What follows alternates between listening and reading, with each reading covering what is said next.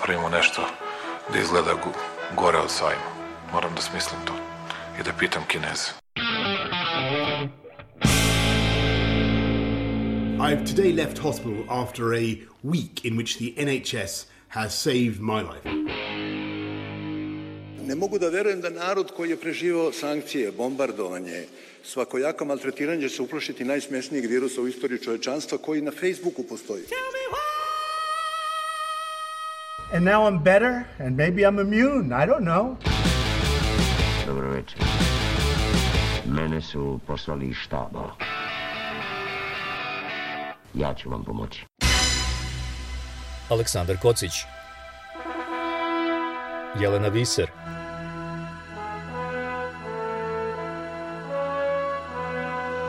Radio Karantin Hronika istorije u nastajanju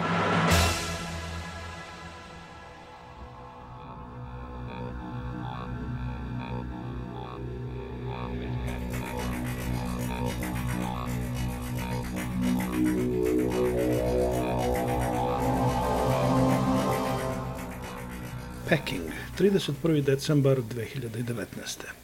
Dok se svet sprema za doček nove godine, u kancelariju Svetske zdravstvene organizacije za Kinu stiže e-mail iz Wuhana u pokrajini Hubei. U tom e-mailu zdravstvene vlasti kažu da je u gradu zabeleženo nekoliko slučajeva upale pluća nepoznatog porekla. Kasnije ćemo saznati da su prvi slučajevi u Wuhanu zabeleženi još 17. novembra i da su bili u blizini jedne pijace na kojoj se prodaju životinje. Kineske vlasti su tada tvrdile da nema dokaza da se virus širi među ljudima. Lekari koji su ukazivali na opasnost od nove bolesti učutkani su. Do sredine marta virus je odneo preko 5000 žrtava i harao je severnom Italijom kao novim globalnim žarištem. Širom Evrope, a kasnije i drugde, uvedene su stroge karantinske mere, ulice milijonskih gradova opustele su, a život kao da je stao. Francuski predsjednik Emmanuel Macron rekao je u ratu smo. Radio Karantin Dobrodošli u novi Radio Karantin na početku druge sezone podcasta kojim pokušavamo da zabeležimo ovu istoriju u nastajanju. Ja sam Aleksandar Kocić. Sada smo na skoro 40 miliona zaraženih i preko milion umrlih od COVID-19 u svetu. Zato u ovoj emisiji tražimo pre svega odgovor na dva ključna pitanja. Šta smo do sada naučili o koronavirusu i šta možemo da očekujemo u narednom periodu, sada kada vidimo da se broj zaraženih ponovo povećava i da mnoge zemlje vraćaju građane u karantin. Radio Karantin Pandemija koronavirusa nastavlja da odnosi žrtve i ostavlja teške posljedice po zdravlje ljudi. Ali za mnoge od nas ovo je kriza koju pratimo uglavnom u vestima, koju ne vidimo direktno. Ipak, svuda oko nas ima ljudi koje je bolest napala. Među njima je i Nevena Damjanović iz Priboja na Limu. Kod nje se infekcija brzo zakomplikovala i ona je završila na respiratoru. Pristala je da za radio karantin prenese svoje iskustvo. Razgovor sa Nevenom počeo sam pitanjem kada misli da se zarazila koronavirusom. 19. juna, dva dana pre izbora. U vreme kad niko nije bio bolestan, kad je u Srbiji bilo blagostanje, kad e, nije bilo uh, mogućnosti jel, da se razbolite, jer šelem, COVID ne postoji, ovaj, sve mere ukinute. U našem gradu je bio koncert, dva koncerta i bile su sportske igre mladih taj petak.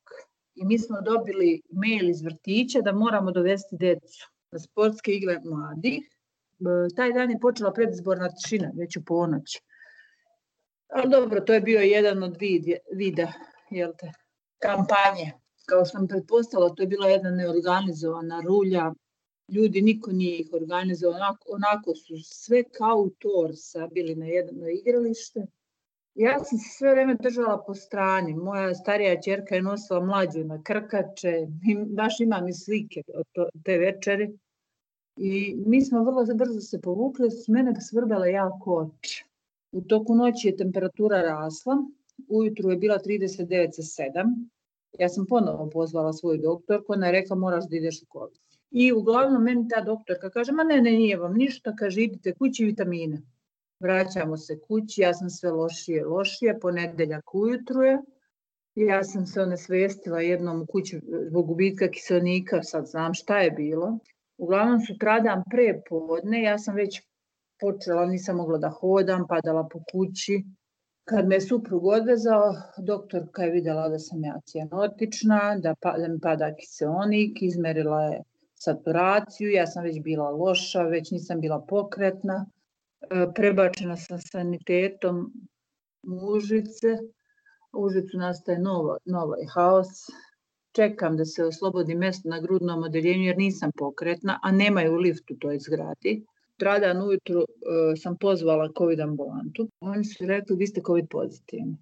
Kreće delimična amnezija, verovatno od straha. Ne sećam se svega. Sećam se sestre koja je ušla i rekla da Mjanović pakuje se ide za Beograd. Kako ste se osjećali u tom trenutku? A, ako vam ja kažem da sam ja neko ko ne plače, e, koji je preživao tri infarkta, jedan moždani udar, koji je, kako kažu ovde žena zmaj, ja sam neko ko se ne predaje. Taj da, znala sam da sam na listi za odstav. Ako dobijem COVID, da je to kraj. Sećam se e, dolaska pred infektivnu kliniku, ogromnog reda ljudi koji stoji ogromnog reda. Ušao je tehničar u sanitet, znači ne izvode vas iz saniteta, u, u, samo je rekao uh, lekaru koji je bio u pratnji, uh, upravo otvaraju Zvezdaru kao COVID bolnicu, ovde nema mesta, vodite je tamo. Ušla sam kao treći pacijent. Prazno je bilo. U toku večeri se napunilo sve. Ja od tada već imam problem, kako se to zove, kad, kad je gubitak kiselnika hipo, nešto. Posle par sati pao je mrak, sećam se, moj krevet je bio pored terase. Ja sam ležala jer ja više nisam bila pokretna uopšte na kiselniku puno mladih je bilo, neverovatno koliko je mladih bilo. E, tad kreće problem.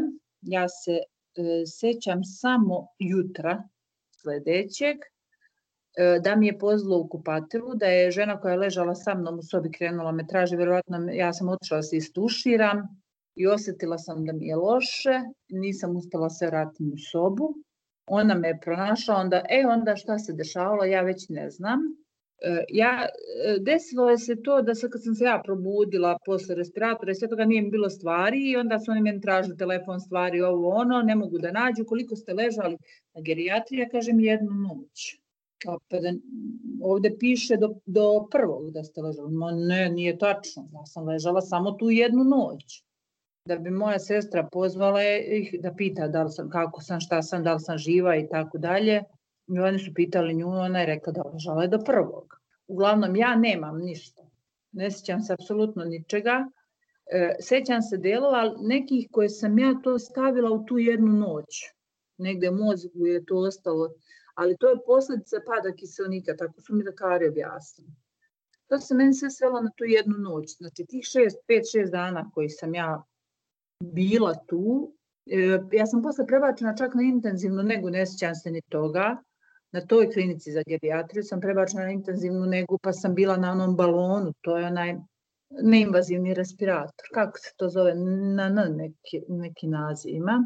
E, tad ste svesni, ali ne, ne pričate, ali recimo imala sam telefon pored sebe i post, nedavno sam tek skupila hrabrost da prelistam, sa sestrom sam samo komunicirala. Ja, ni, znači, to ništa nemam u glavi.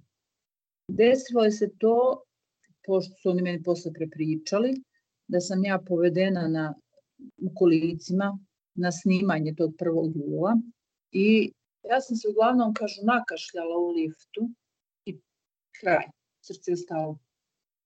Stavljena sam u taj sanitet gde sam reanimirana, ja sam, ali u toj zgradi sam bila trenutno na prizemlju kad mi je srce stalo i kad taj sanitet sam ugurana, samo jer su imali tu za reanimaciju. To vam pričam šta su mi rekli. Znači, ja, ja se toga ne sećam. Uglavnom, tad je srce stalo, tad sam prvi put reanimirana. I intubirana sam u sanitetu. Stavljena sam na ve, veštačka pluća. Od tad su me odmah prebacili na, u hiruški deo kliničkog centra, hirurgija kliničkog KBCA Zvezdara i tu sam na intenzivnoj ne, ne, smeštena na intenzivnu neku i na mehaničku ventilaciju, znači na onaj pravi respirator. Tad sam bila uspavana, to je trajalo 16 dana. Sećam se doktora koji je stao pored mene kad, da me drmnuo i rekao mi je rečenicu koju nikad neću zaboraviti. Kaže, ja sam Goranovog kuma kum. Ja ga gledam, kaže, sestra ti se mnogo sekira. I svaki dan pita za tebe. Ja sam, kaže, trepnula i on je rekao, a ti ćeš sad opet da spavaš. Ok, spavat ću. Sledeće čega se sećam je doktorke po kojoj povraćam, koja jako psuje, koja je moja dobra vila, pa mi spasla život. E, po, pokušaja da mi ovde stavi centralni venski kateter u vrat, tu ima možitke, 4-6 voda. Pokuš, žena je pokušavala na sve načine da spasi, spasi život, bola me svugde me bola. I onda mi je stavila u femoralnu venu, to je na preponu. Kroz, kroz centralni venski kateter sam primala infuzije posle. I sve ostalo što sam primala. I sećam se večeri u kojoj mi mnogo ljudi prilazi i pitaju me kako sam i govore mi bravo, ti si ovde najjača. Ja ih onako zbunjeno gledam šta im je spala sam dva sata. I takav sam ja imala osjećaj, sam ja zaspala pre dva sata, je to to. E, pa onda mi govore, pominju mi imena ljudi koji su zvali telefonom jer sve moglo od 12 do 1 dobiti informacije o pacijentu. Pa su oni kao meni zapisali, ko je taj dan zvao. Svi se mnogo raduju. Mi smo srećni što si ti se probudila. Bože, svašta. Ne razumem. Koliko je zapravo trajalo tih dva sata? 16 dana. 16 dana. E onda tu sam onako, malo budna, malo nisam, pamtim da mi je hladno, e, pamtim crne kese koje iznose, pamtim da niko nije budan, da sam samo ja budna. To je e, soba u kojoj ima sedam mehaničkih respiratora i svi spavaju. Ja sam sve provela budna pet dana. To je strašno. Vidite mrtve, Vidite za koliko se stotinki promeni saturacija čoveka sa 95 padne na, na 60 i umre. U stotinkama, ne u sekundama. E, onda se dešava to da, a kažu da je to normalno, da ja postajem u jednom momentu nervozna. Ja nisam govorila. Oni su zvali porodicu i pitali da li ja imam tako, da sam ja ne, imam problem s govorom, ali ja prosto nisam imala snage da govorim Ja kad sam kašala, ka, e, davali su mene ubruse papirne. Znate kako su nareckani oni ubrusi? Recimo ja nemam snage da pocepam ubrus. Da, da onda je dereckano. Nego oni mora, jer ja ne mogu, ne možete ruku da pomerite hrane, mislim pokušavaju da meni su jogurt dali možda posle pet tih budnih dana. Jer nemoguće je jesti i pit, mislim, nemoguće. Kažete vi meni, Nevena, S obzirom na sve što ste prošli, vaša priča je i, i fascinantna i, šokantna. Šta biste vi poručili sugrađanima? Poručila bi im ono što, ne, što ni neće poslušati. Mora da se promeni svest. Ova bolest postoji. Bolest odnosi život. Da li smo toliko poremećena nacija dok naš, naš neko, dok nas, što ja kažem, srce ne zaboli, da nećemo shvatiti da postoji. Jer mora da nas zaboli srce da bi shvatili nešto. Definitivno mora. Mi moramo da promenimo svest. Nama je prosto u tradiciji to, e mi moramo da promenimo svest. Da bi preživali sve ovo. Nevena Damjanović iz Priboja na Limu. Dužu verziju ovog razgovora u kojem Nevena govori o mukama koje je imala pre dolaska u bolnicu možete čuti od ponedeljka 19. oktobra.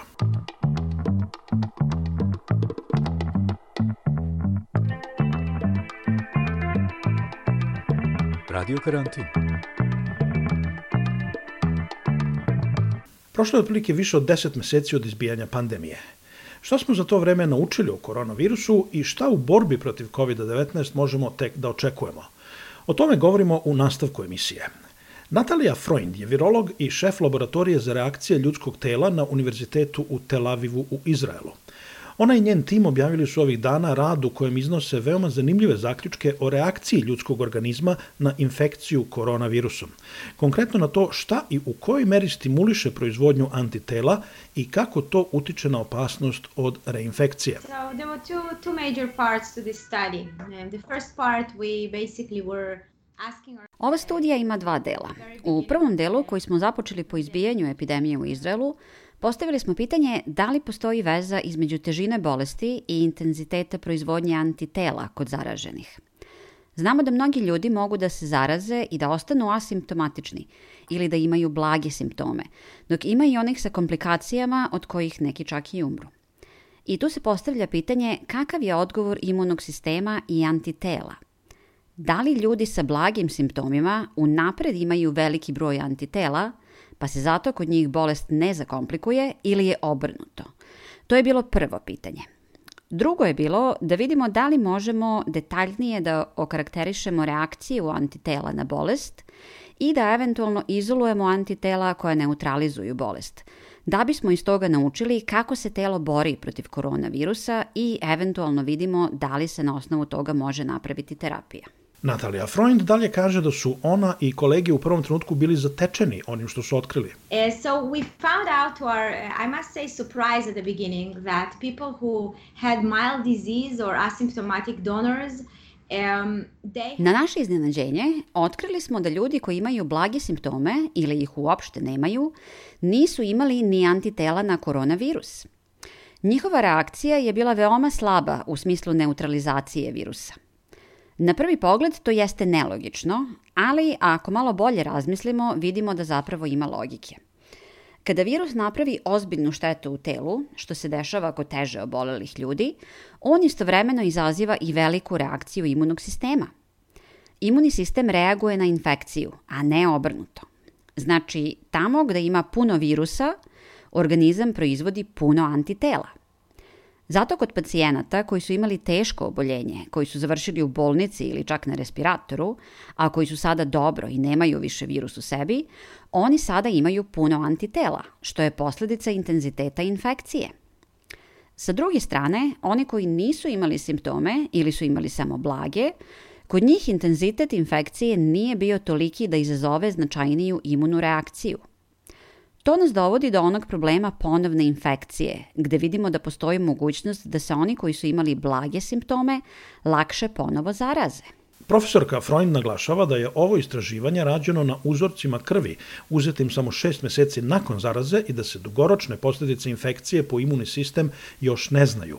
U kraćem roku zaključak njenog tima je da oni sa blažom, kako se to kaže slikom, imaju veći rizik od ponovne infekcije – So people who had a severe disease, they have enough antibodies, and their antibodies are are uh, in a very good quality. They can neutralize the virus. They can prevent the virus.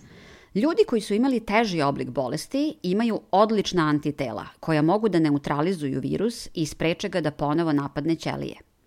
To znači da su oni bezbedniji. E sad, iz ranijih istraživanja znamo da antitela koja se bore protiv koronavirusa ne ostaju dugo u organizmu. Zbog toga ne verujemo u imunitet krda i ne znamo u kojoj meri ćemo svi zaista postati imuni na virus. To nikako nije dobra vest, ali to je ono što vidimo. Sa druge strane, ako dobijemo dobru vakcinu ili tretman, onda bi nam ovo saznanje zapravo pomoglo. Znači, visoka koncentracija virusa u telu stimuliše reakciju imunog sistema. Ako je zaražena osoba zdrava i nije u nekoj rizičnoj grupi, onda je imunni sistem uspeo da zaustavi virus, pa ta osoba nije razvila ozbiljnije simptome. Negativna posledica ovoga je da u telu nije bilo dovoljno čestica virusa koje će stimulisati takvu reakciju koja stvara imunološku memoriju, neophodno da spreči eventualnu ponovnu zarazu. Kod starijih ljudi koji imaju druge hronične bolesti kao diabetes, rak ili samo visok krvni pritisak, Sve te bolesti sprečavaju jaku reakciju imunog sistema. Zato su takvi pacijenti podložni komplikacijama od COVID-a. I ima još nešto, a to je da stariji ljudi lošije reaguju na vakcinaciju, u smislu da je kod njih sposobnost organizma da proizvodi nova antitela smanjena. Epidemiolozi u Srbiji često kažu da je virus ojačao ili, nešto ređe, oslabio.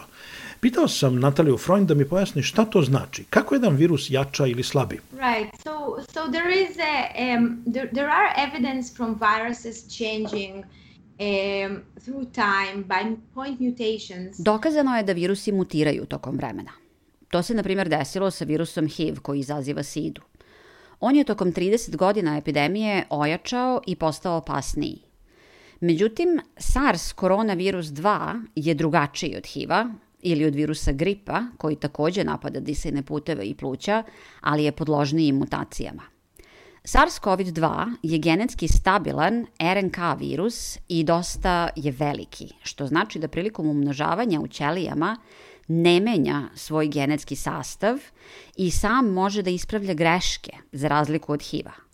Postoje ipak greške, postoje mutacije koje dovode do toga da virus bude jači ili slabiji, ali nema dokaza da je prošao kroz značajnije promene za ovih 10 meseci.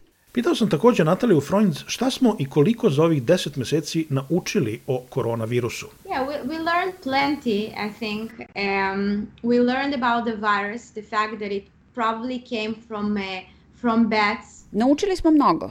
Naučili smo da je najverovatnije došao od slepih miševa i da ovakav tip virusa može da pređe sa životinja na ljude i da će se to dešavati i u buduće. Naučili smo da ljudi mogu da postanu imuni na virus, ali ne uvek. Kompletan naučni svet se okrenuo ka ovom virusu jer za poslednjih 100 godina nismo imali ovakav problem. Vidimo da su se oni koji su poslednjih godina radili na borbi protiv raka ili side sada posvetili COVID-u, da vide da li se to što su razvili može upotrebiti ovde. Šta naučnici poput Natalije Freund očekuju u narednom periodu kada je borba protiv COVID-19 u pitanju? So definitely some vaccines. I think that this was uh, this has been remarkable. Uh, um... Definitivno očekujem vakcinu i tu je postignut ogroman napredak. Razvoj jedne vakcine obično traje 10 godina, uglavnom zbog nedostatka novca ili zbog regulatornih prepreka. Sada su ta uska grla otklonjena. Sada postoji spremnost da se uloži koliko god novca treba, kao i da se ublaže procedure, što naravno može da bude i loše. Trenutno je šest vakcina u završnom delu treće faze i neka od njih bi mogla biti odobrena u narednih nekoliko nedelja. Uh, tu bih bila oprezna jer mi, mi još ne znamo koliko će ta vakcina biti efikasna. Ne zaboravimo da je vakcina protiv tuberkuloze napravljena pre 100 godina, pa i dalje milion i po ljudi godišnje umre od tuberkuloze, a glavni lek su još uvek antibiotici. Imamo takođe i grip, gde je vakcina efikasna u tek 40% slučajeva. Znači, još ne znamo koliko će vakcina biti efikasna, koliko doza ćemo morati da primimo. Možda će to biti tri doze u razmaku od četiri meseca svaka, a ne znamo ni da li će nam doneti trajnu zaštitu ili samo na godinu dana. Zato istovremeno mora da se radi na terapeutskom frontu, a to znači da nađemo lekove koji će pomoći najugroženijim pacijentima. I treća stvar koju, koju očekujem a, jeste napredak na polju diagnostike. Ako budemo u stanju da brzo otkrijemo infekciju, moći ćemo efikasnije da prekinemo lanac širenja zaraze. Vodeći švedski epidemiolog Andres Tegnell izjavio je nedavno da će borba protiv koronavirusa trajati bar nekoliko godina i da će biti puna neizvesnosti. Natalija Freund iz Tel Aviva se slaže. Right, I agree. I think that we should uh, sort of change our state of mind and not hold our breath. Mislim da treba psihički da se pripremimo da će koronavirus ostati sa nama bar u neposrednoj, a možda i u nešto daljoj budućnosti. Potrajaće nekoliko godina i možda ćemo svake zime imati epidemije.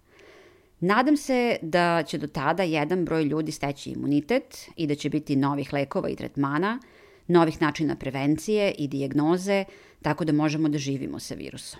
Virolog iz Tel Aviva Natalija Freund u razgovoru za Radio Karantin.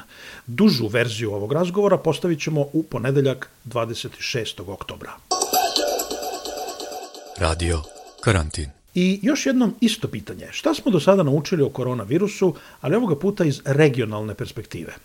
O tome je Jelena Vise razgovarala sa epidemiologom i članom naučnog savjeta Hrvatske vlade Brankom Kolarićem.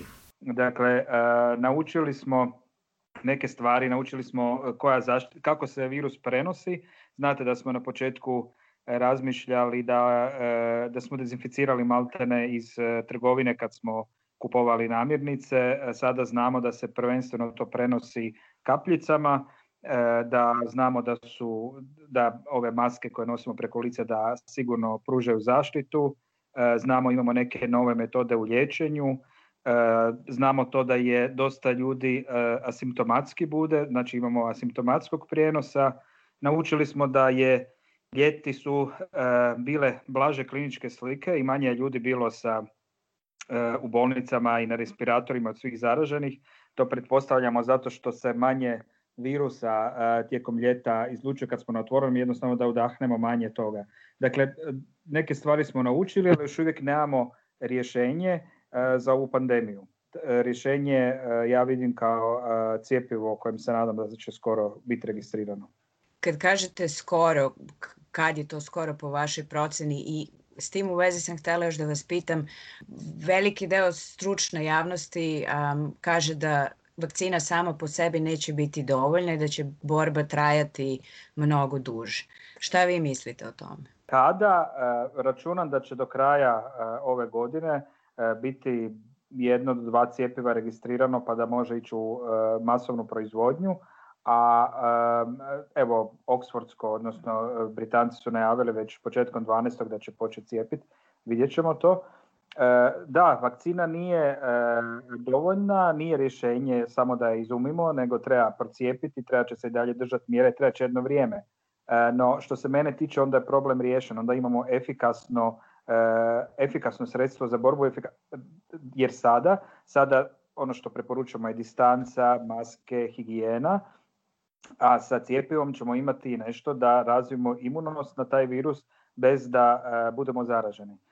Dakle, onda je stvar spoznajno riješena, samo onda još provedbeno će trebati neko vrijeme dok se procijepe svi ljudi i dok, ovaj, dok vidimo koliko dugo će trajati imunost. Jer sada znamo da postoje slučaj reinfekcije i pitanje je da li će cijepivo davati doživotnu imunost ili ćemo se trebati ko za gripu cijepiti svake sezone ili svake druge sezone. To su još neka pitanja ali je izum patentiranje cijepiva, odnosno vakcine je milestone koji će, ja mislim, preokrenuti stvar da možemo ovaj, u drugom smjeru krenuti.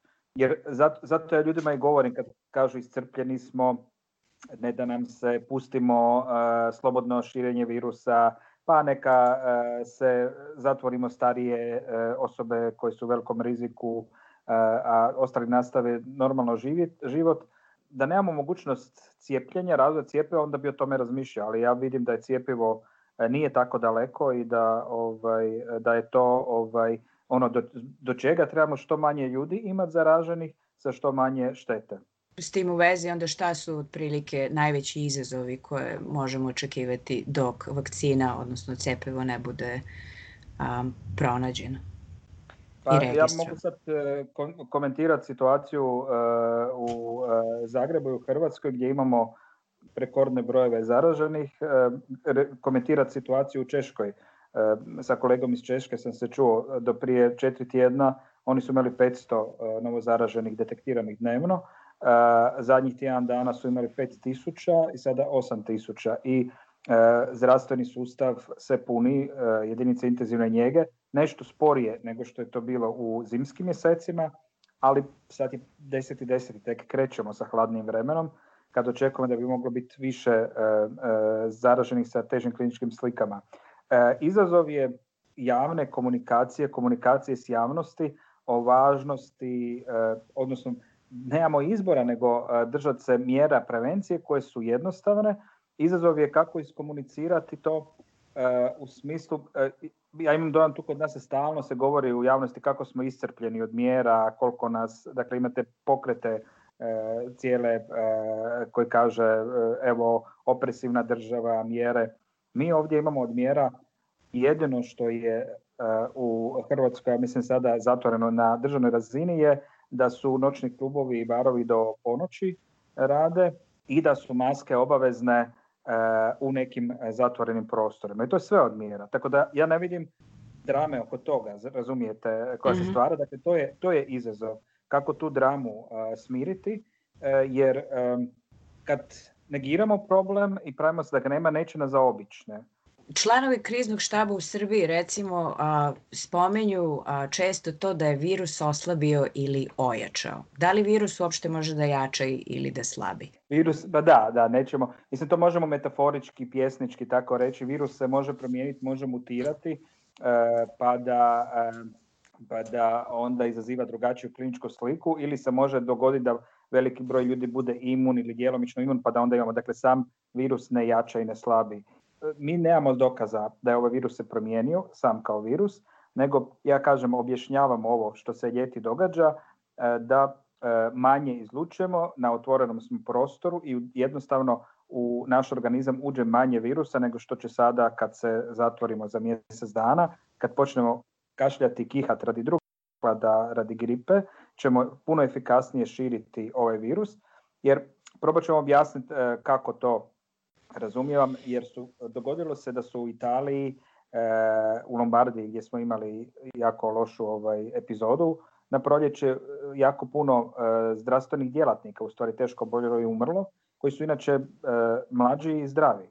I to se onda objasnilo da su oni velike količine virusa bili izloženi, da onda to, ta količina koju udahnemo uh, uzroku je povezana sa težinom uh, kliničke slike. Tako da mislim da je ljeti više to u igri, da je manji uh, viral load, odnosno količina virusa koji smo bili u kontaktu nego što je u zimskim mjesecima. Branko Kolarić, epidemiolog iz Hrvatske, u razgovoru sa Jelenom Fiser.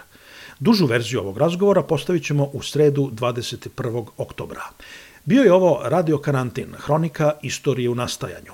U sledećoj emisiji, koju postavljamo 28. oktobra, posvetit ćemo se merama koje vlasti preduzimaju ili ne preduzimaju u borbi protiv pandemije. Gde je prava ravnoteža između preventivnih mera i očuvanja normalnih životnih aktivnosti? Slušajte nas.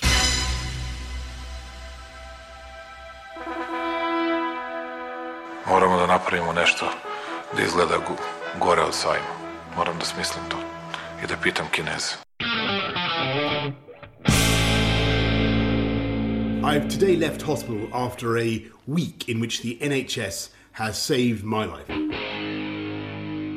Ne mogu da verujem da narod koji je preživao sankcije, bombardovanje, svakojako maltretiranje će se uplašiti najsmesnijeg virusa u istoriji čovečanstva koji na Facebooku postoji.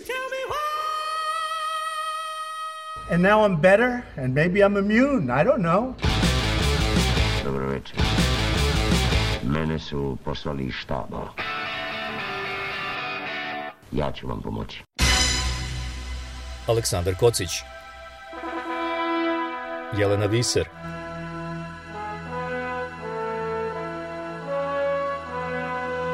Radio Karantin. Hronika istorije u nastajanju